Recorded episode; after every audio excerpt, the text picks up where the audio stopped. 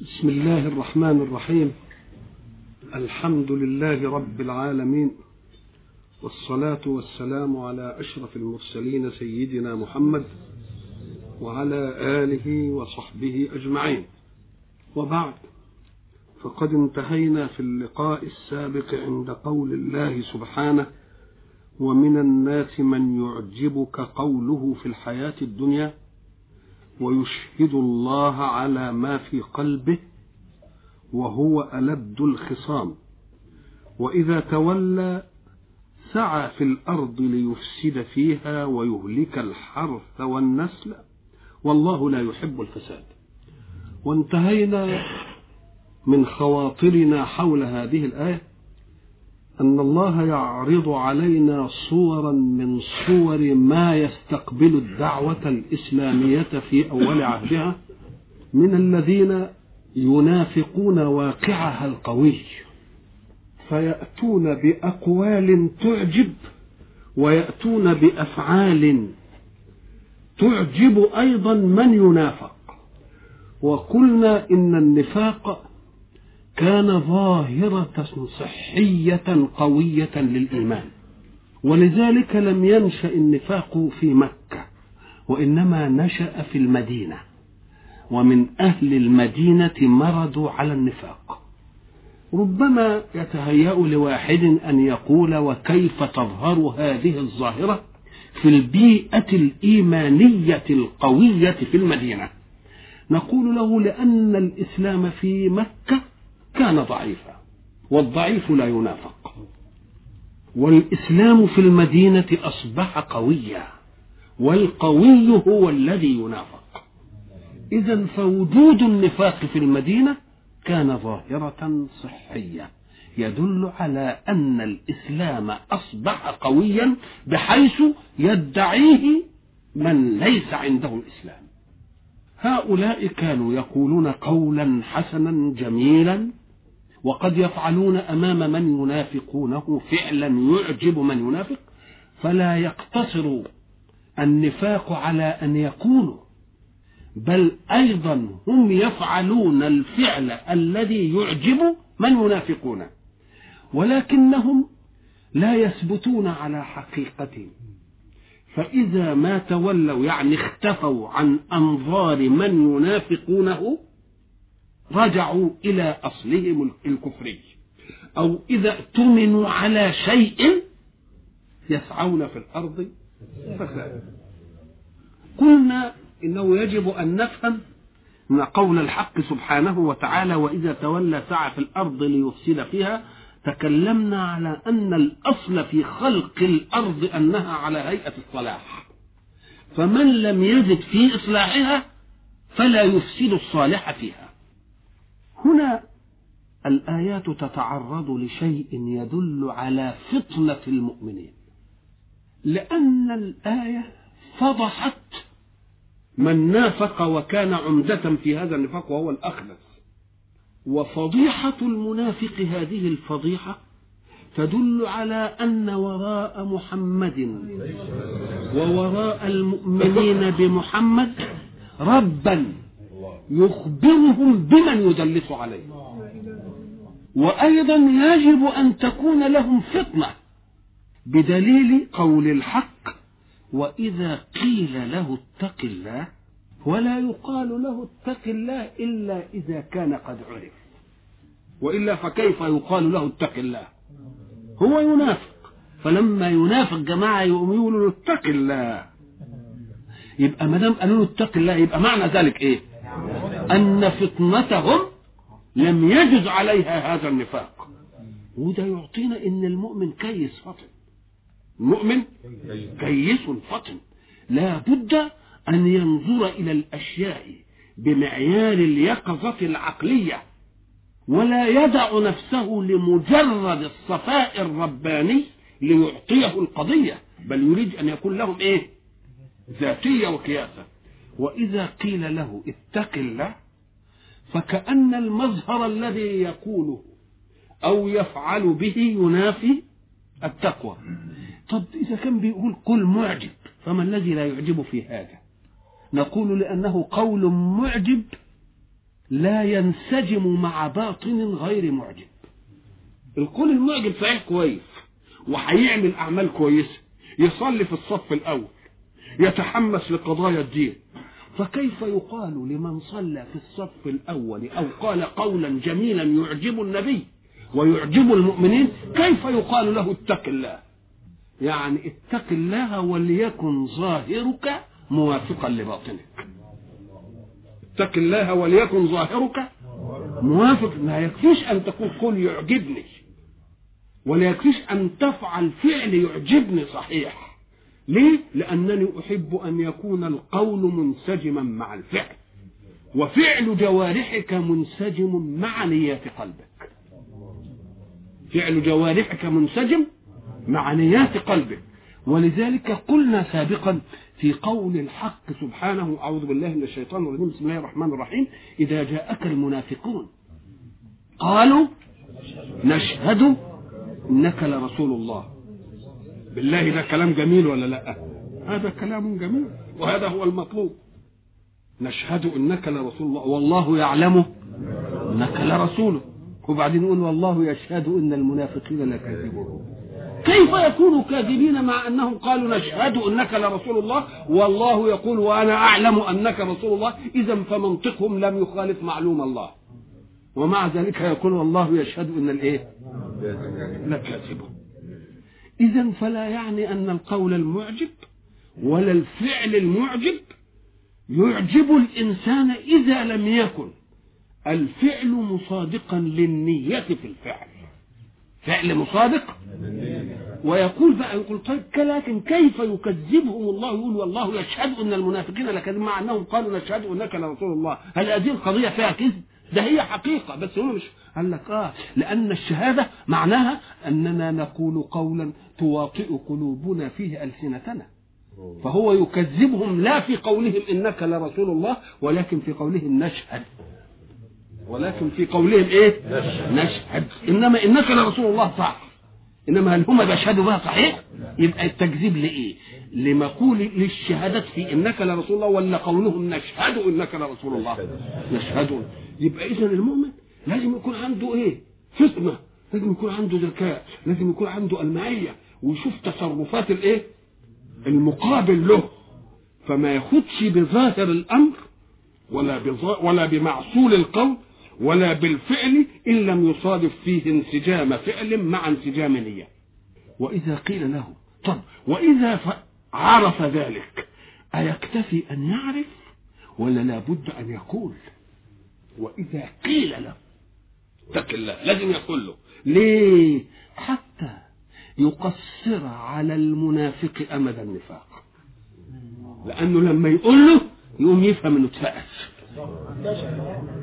يقوم يكسر عليه أمد النفاق ويقول له انكشفت. احم. فهمناك. يقوم إذا قصر عليه أمد النفاق لعله يرتدع عن النفاق. لعله لا يتمادى فيه. يبقى برضه شوف رحمة المؤمن حتى بالمنافق. رحمة المؤمن حتى بالمنافق. وإذا قيل له وكلمة إذا قيل مين اللي يقول له؟ كل من يتأتى منه القول. كله؟ كل من يلمح بذكائه في تصرفه نفاقا. يقول له إيه؟ ولذلك إذا قيل له مش قال إذا قال فلان أو علان أو ابدا. إذا قيل له يبقى مجرد أن إيه؟ أن يقال لا يهمنا من يقول بل المراد أن كل من يفضح نفاقه يقول له اتق الله. فإذا قال له اتق الله وهذا قال له اتق الله وهذا يقول لك إذا النفاق ما عادش انكشفنا ما عادش ينفع النفاق بقى. كده ولا لا؟ وإذا قيل له اتق الله أخذته العزة بالاسم. شوف القيد أخذته العزة بالاسم. تقييد العزة بأنها بالاسم يفيد أن العزة قد تكون بغير اسم كده ولا لا؟ ما دام قال أخذته العزة بالاسم يقول لك أيوه لأن العزة مطلوبة. ليه؟ لأن ربنا حكم بالعزة لنفسه وللرسول وللمؤمنين. إنما هل هي العزة بالاسم ولا العزه بالحق؟ إيه العزة بالحق تبقى وإيه العزة بالاسم تبقى؟ تيجي إزاي؟ اما قال لك يا أخي استعرض القرآن. ألم يقل سحرة فرعون؟ بعزة فرعون إنا لنحن الغالبون. هذه عزة بالإثم وبالكذب. بل الذين كفروا في عزة وشقاق. دي عزة كاذبة ولا مش كاذبة؟ آه سبحان ربك رب العزة عما تلك هي العزة الايه العزة الحقيقية. تبقى ما هي العزة؟ العزة هي القوة. التي تغلب ولا تغلب. آه دي عزة اسمها إيه؟ عزة بحق مش عزة بالإيه؟ يبقى العزة بالاسم. هي أنفة الكبرياء مقرونة بالذنب ومقرونة بالمعصية. والحق سبحانه وتعالى يقول لكل من يريد هذا اللون من العزة بالاسم يقول له إن كنت صحيح عندك عزة محدش يقوى عليك. ولكن يلي قلتم في صح يا سحرة فرعون بعزة فرعون إنا لنحن الإيه؟ أنتم اللي خريتوا سجدا لموسى مش كده ولا لا؟ هم قالوا كده آه تبقى مش بعزة فرعون تبقى لما قلتم آمنا برب مين؟ موسى وهارون آه يبقى دي العزة اللي اللي غلبت مع أنكم دخلتم المعركة متلبسين بعزة بالإثم خلاص؟ فكيف جاءت العزة بالحق فغلبت العزة بالإثم العزة بالحق غلبت إيه؟ العزة بالإثم ولذلك الحق سبحانه وتعالى يبين لنا العزة يقول لك العزة دي عشان ما تبقاش بالاسم تبقى عزة على الكافر بالله إنما تكون ذلة على المؤمن بالله شوف أعزة على الإيه؟ على الكافر أذلة على المؤمن أعزة على مين؟ على الكافرين شوف إزاي أشداء على الإيه؟ رحماء تبقى دي دليل العزة من إيه؟ العزة بالحق مش العزة بالإيه؟ بالإثم العزة بالحق أنك ما إحنا قلنا العزة هي القوة التي تغلب ولا تغلب علامتها أنها ساعة تغلب تكون في منتهى الانكسار. ساعة تغلب يقوم يقول دي صحيح عزة بالحق دي.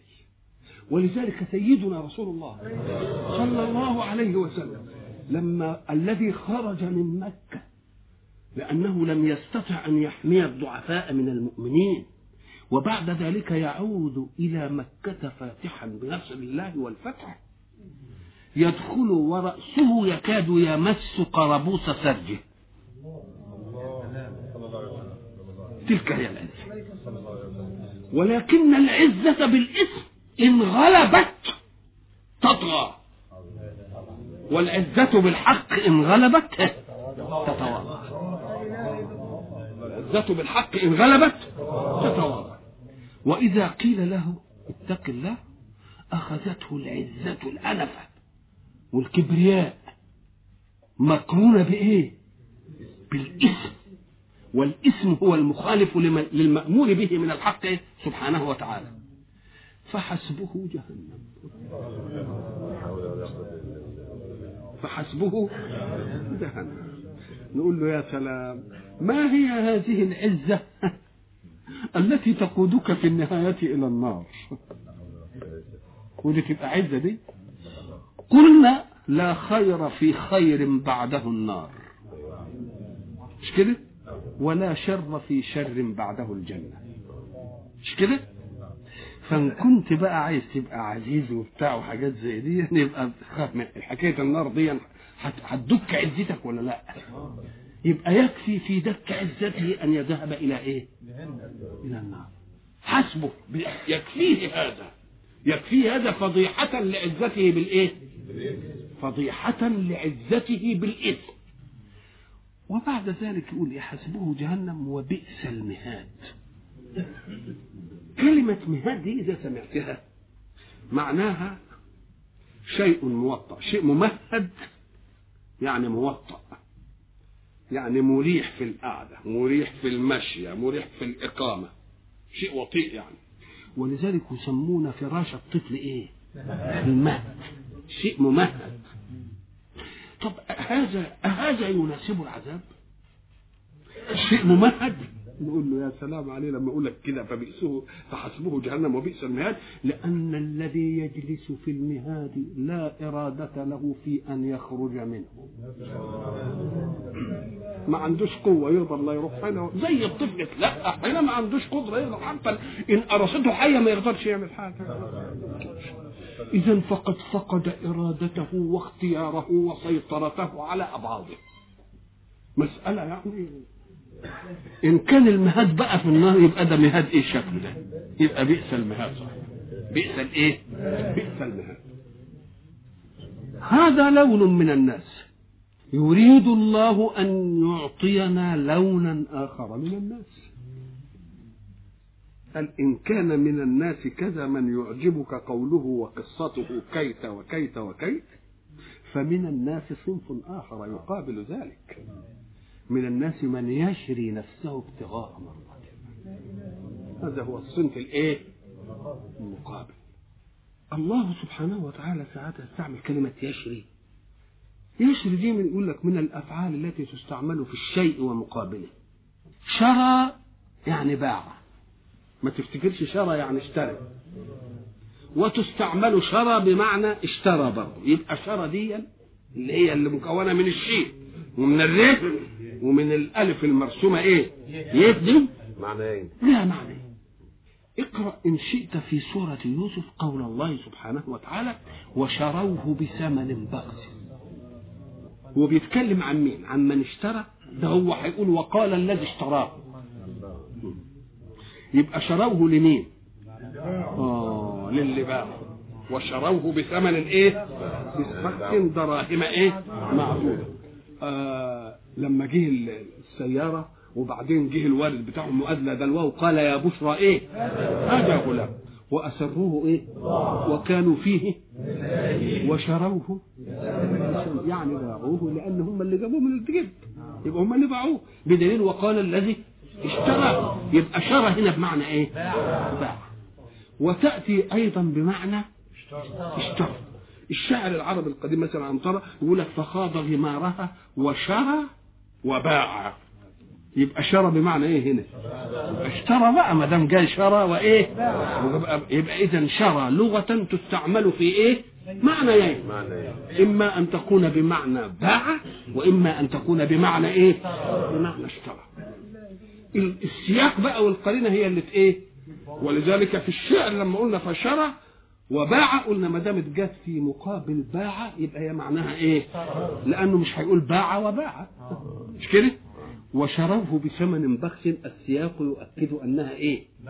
دي من عظمة اللغة لأنها تريد اناسا يستقبلون اللفظ بعقل ويخلي السياق كده يتحكم يوم اللفظ يبقى واحد يقول لك لكن السياق كده جابه هنا السياق جابه هنا ولذلك كان العربي السياق ده هو اللي يحكم على الله المسألة حتى لما جابوا لواحد لا يحفظ القرآن قرآن والقرآن كان زمان غير منقوط.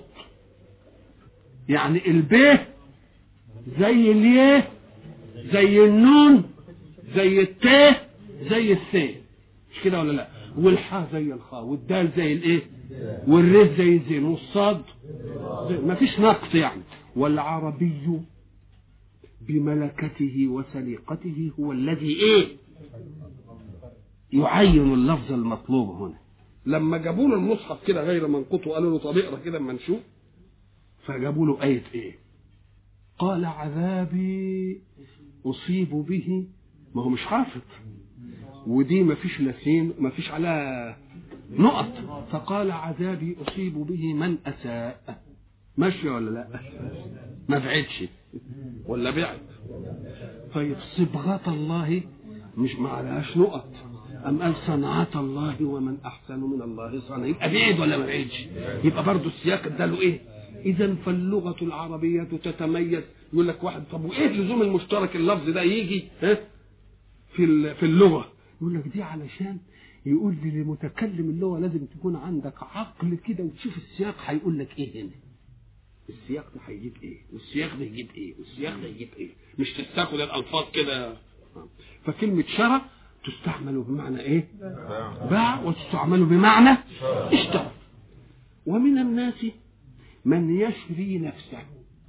طيب يشري نفسه هناخدها بمعنى باع. يشري نفسه يعني إيه؟ يبيع نفسه. يبقى نفسه تبقى مفقودة ولا؟ مش كده مفقودة؟ يبقى ده اللي بيجود بالشهادة. مش كده؟ يبقى ده اللي بيجود بإيه؟ أو بكلمة المعروف كده وواحد يروح قتله يبقى أكنه باع نفسه وخد الإيه؟ الثمن يبقى النفس هي المفقودة. لأنك إذا قلت بعت كذا يبقى كذا راح مني. بكذا يبقى جاني مني. خلاص كده؟ إن الله اشترى من المؤمنين إيه؟ لأن لهم الجنة. يبقى اداله نفسه وخد الإيه؟ يبقى من الناس من يشري نفسه. إيه؟ يعمل إيه؟ باعها. أخذ الثمن إيه؟ الجنة. مش كده؟ طب وإن كانت بمعنى؟ أم قال لك اشتراها بمعنى إن هو ضحى بكل شيء في سبيل أن تسلم نفسه الايمانيه وعاش. ومن العجيب إن الآية دي جت. وقالوا في سبب نزولها كذا وكذا مما يؤكد. إنها تيجي على المعنى دي؟ وتيجي على المعنى دي. أبو يحيى اللي هو صهيب بن سنان الرومي. صهيب ابن سنان الرومي. كان في مكة وقد كبر سنه وأسلم وأراد أن يهاجر فقالوا له أنت جيتنا فقير وما حلتكش حاجة وعايز تطلع كده. قال, قال لهم أإذا خليت بينكم وبين مالي أأنتم تاركون؟ قالوا نعم. قال ولكن تضمنون لي راحلة ونفقة إلى أن أذهب إلى المدينة. فقال لك هذا. فقالوا لك؟ آه. يبقى اشترى نفسه. مش كده ولا لا؟ اشترى إيه؟ استبقاها ايمانيا بإيه؟ بفلوسه. آه. شوف جت هنا ونفعت هنا ونفعت إزاي؟ آه. فلما ذهب إلى المدينة لقيه أبو بكر وعمر. فقالوا له ربح البيع يا أبا يحيى. كأنهم يعلمون.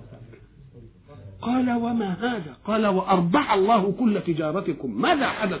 قالوا إن رسول الله أخبرنا أن جبريل أخبره بقصتك.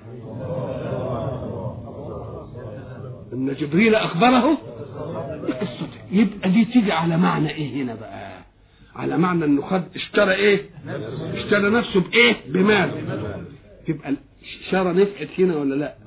هذه فايدة الأداء القرآني إن اللفظ الواحد يجي يخدم المعنيين المتقابلين. طيب وعلى المعنى الثاني أنه باعها. طب دي اشتراها. وعلى المعنى الثاني إنه ضحى بها كده ومات وخد الجنة. يقول له إيه ولها برضه قصة. ونزلت عشان تخدم هذا الواقع وتخدم هذا الإيه؟ هذا الواقع. إزاي؟ في غزوة اللي هي أول غزوة في الإسلام غزوة بدر. صناديد قريش جمعوا نفسهم وبعد ذلك الصناديد دول قتلوا أئمة الكفر قتلوا فيهم وناس منهم كتير إيه أسروا. كان ممن قتل في معركة بدر واحد اسمه أبو عقبة الحارث من صناديد قريش. ومن الذي قتله؟ واحد اسمه خبيب ابن عدي الأنصاري الأوسي. لأن أنصاري يعني يبقى من المدينة. أيوه. أوسي يعني من قبيلة الإيه؟ خبيب ابن عدي الأنصاري الأوسي. هو الذي قتل أبا عقبة اللي هو الحارث بن عامر. وبعد ذلك مكرت كفار قريش بالمسلمين. فأرسلوا إلى رسول الله صلى الله عليه وسلم. يا رسول الله إننا قد أسلمنا وإننا نريد أن ترسل إلينا قوما ليعلمون الإيه؟ الإسلام. فأرسل لهم رسول الله صلى الله عليه وسلم إيه؟ عشرة. غدروا بهم فقتلوهم وفر خبيب وزيد بن الدثنة لكنه أسر. فلما أسر الجماعة اللي أسروه عرفوا أنه هو الذي قتل مين؟ أبا عقبة الحارث. فباعوه له. ليقتله بأبيه. فلم يشأ أن يقتله الأول بل صلبه حيا. فلما صلبه حيا بعد ذلك قتله عقبة اللي هو مين؟ ابن مين؟ ابن الحارث. وترك على الخشبة مصلوب. قال رسول الله في المدينة. من ينزل خبيبا عن خشبته وله الجنة؟ من ينزل خبيبا عن خشبته وله الجنة. قال الزبير أنا يا رسول الله. وقال المقداد وأنا معه يا رسول الله. فذهب إلى مكة. فلما ذهب وجد خبيبا مصلوبا على الخشبة. قد مات. وحوله أربعون من قريش يحرسونه. فانتهزوا منهم غرة. وذهبوا إلى الخشبة وانتزعوا خبيبا وأخذوه. فلما استفاق القوم لم يجدوا خبيبا. فقام سبعون. يتتبعون الأثر ليلحقوا بهم. فرآهم الزبير. فجاء بخبيب وألقاه في الأرض. ثم نظر إليه فقد ابتلعته الأرض. امال الإسلام ثبت إزاي إلا بمعجزات وب... وبعد ذلك التفت إلى السبعين. ونزع عمامته يعني بيبقى عاملين عمامة كده تداري شخصيتهم شوية. وراح نزع الإيه؟ العمامه قال أنا الزبير بن العوام. أمي صفية بنت عبد المطلب. وصاحبي المقداد. فإن شئتم فاضلتكم. يعني تفخروني أقول لكم أنا مين وتقولوا لي أنتم مين. وإن شئتم نازلتكم. وإن شئتم فانصرفوا. فقالوا ننصرف. قالوا ننصرف فانصرفوا. فلما ذهبوا إلى رسول الله صلى الله عليه وسلم بشرهم بالإيه؟ بالجنة. يبقى خبيب عمل إيه؟ آه يبقى شرى بمعنى إيه هنا؟ يبقى شرى هنا بمعنى بقى إن ذهبت بها إلى أبي يحيى. صهيب بن سنان الرومي تبقى شرى بمعنى اشترى. وإن ذهبت بها إلى خبيب يبقى بقى. والذي ذهب اللي هو الزبير والمقداد وراحوا وهم متعرضين لهذه المسألة. برضه يبقى يبقى بقى. يبقى اللفظ الواحد في القرآن يخدم كم واقع. مواقع كثيرة. مواقع كثيرة خبيب هذا؟ اللي هو خبيب ابن عبي قالت أمامة التي كانت في المكان المأسور في خبيب وهي بنت حجيرة الذي اشتراه عشان يديه لعقبة عشان يقتله بابوه. قالت والله لقد رأيت خبيبا يأكل قطفا من العنب كرأس الإنسان. شوف القطف اللي قد الرأس الإنسان دي. ووالله ما في مكة حائط أي بستان ولا عنب. وإنما هو رزق ساقه الله له. ولما جاءوا ليقتلوا خبيبا عشان تعرفوا إزاي هو بقى قال أنظروني أصلي لله ركعتين. فصلى ركعتين ونظر إلى القوم وقال والله لولا أني أخاف أن تقولوا أنه زاد في الصلاة لكي يبطئ بقتله لزدت. وبعد ذلك قال قبل أن يقتل اللهم أحصهم عددا واقتلهم بددا ولا تبق منهم أحدا. وهتف وقال ولست أبالي حين أقتل مسلما على أي جنب كان في الله مصرعا. وذلك في ذات الإله وإن يشأ يبارك على أوصال شلو ممزع. آخر ما قال. يبقى شرى ولا لا؟ ومن الناس من يشري نفسه ابتغاء مرضات الله. شوف بقى المقابل هناك. ما جابش إنه شرى نفسه لما يعبد. لا بيعا ولا اشتراء هو خدها نصب كده حداء. إنما ما يضحيش ب... لكن في الإيمانيات جاب اللي يضحي بإيه؟ يضحي بنفسه. لأن دوكها ما يزيدش حاجة عشان يبيع نفسه وبابه هو عنده حق ولا عنده ثقة في حاجة عشان يبيع نفسه بشيء؟ ما عندوش. ومن الناس من يشري نفسه ابتغاء مرضات الله. والله رؤوف بالعباد. رؤوف؟ إيه العلاقة بتاعت والله رؤوف بالإيه؟ بالعباد. ما دام الله رؤوف بالعباد لم يشأ الله أن يجعل ذلك أمرا كليا في كل مسلم وإنما جعلها بس فلتات لتثبت صدق القضية الإيمانية. ليه؟ لأنه هو مش عايز كلنا نروح نموت. لأنه بده يستبقي منا إيه؟ ناس يحملوا الدعوة. ومن الناس من يشري نفسه ابتغاء مرضات الله. والله رؤوف بالعباد. بعد أن عرض الحق أصناف الناس الذين يستقبلون الدعوة كفرا ونفاقا وإيمانا صادقا وإخلاصا نادى جميع المؤمنين وقال يا أيها الذين آمنوا ادخلوا في السلم كافة. يا أيها الذين آمنوا قلنا أن ذلك هو نداء الإيه؟ يعني يا من آمنتم بي. استمعوا تكليفي. فكأننا كما قلنا سابقا لم يكلف الله من لم يؤمن به. والذي يؤمن بالله يبقى أحب الله. وما دام قد أحب الله هل الإنسان يأتي إلى من يحبه ويعطيه ما يشقيه ولا ما يسعده؟ إذا فالتكليف من الله إسعاد لمن أحب. تكليف من الله إسعاد. لمن؟ وإلا فاللي اللي ما أمنش به ما كلفوش. واللي آمن به كلف. ويبقى التكليف ده إيه؟ يبقى ده تكليف شرف يا أيها الذين آمنوا ادخلوا في السلم كافة.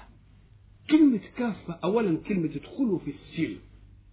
كلمة في دي دائما تفيد الظرفية. تفيد إيه؟ الظرفية. معنى الظرفية أن شيئا يحتوي شيئا. الماء في الكوز مش كده؟ المصلون في المسجد مش كده ولا لا؟ يبقى فيه ظرف وفيه إيه؟ مظروف فيه إيه مظروف الظرف والمظروف يدل على إحاطة الظرف بالمظروف وما دام أحيط بالمظروف ملوش جهة إيه؟ يفلت من الظرف ولذلك يعطينا الحق سبحانه وتعالى صورة التمكن في مسألة الظرفية. ساعة ما يقول إيه؟ لأصلبنكم في جذوع النخل. الصلب بيبقى إيه؟ على جذوع النخل. إنما يريد الله أن يجعل الصلب فيه تمكن إزاي؟ قال لك إذا أردت أن تصلب شيئا على شيء الشيء المصلوب بتربطه على المصلوب عليه. فإذا ما بالغت في ربطه كأنك أدخلت المصلوب في جوه. يبقى صلب شكله إيه ده؟ هات عود كبريت وحطه مثلا على صبعك كده وبعدين هات فتلة وشده قوي. تقوم تلتفت تلاقي العود الكبريت ده. هذا هو المقصود. لأصلبنكم في جذوع النخلة يعني إيه؟ صلبا قويا متمكنا بحيث يدخل المصلوب في إيه؟ في جسم المصلوب فيه. فادخلوا في السلم يعني إيه؟ اولا ما هو السلم؟ السلم والسلم والسلم هو الإسلام. المادة كلها واحدة. ليه؟ ان السلم إحنا بنقول ده ضد الحرب. مش كده؟ هو الإسلام جاي عشان ينهي الحرب. إزاي جاي عشان ينهي الحرب؟ أم قال لك آه لأنه جاي عايز ينهي الحرب بينك وبين الكون اللي أنت عايش فيه. وقبل ما ينهي الحرب بينك وبين الكون اللي أنت عايش فيه عايز ينهي الحرب اللي هتبقى بينك وبين المكون لك وللكون. تبقى في سلام مع الله. وفي سلام مع الكون. وفي سلام مع الناس وفي سلام مع نفسك. يبقى ادخلوا في السلم حتى يكتنفكم السلم. إله خالق للكون أنتم في سلام معه. لأنكم لا تؤمنون إلا به إلها واحدا.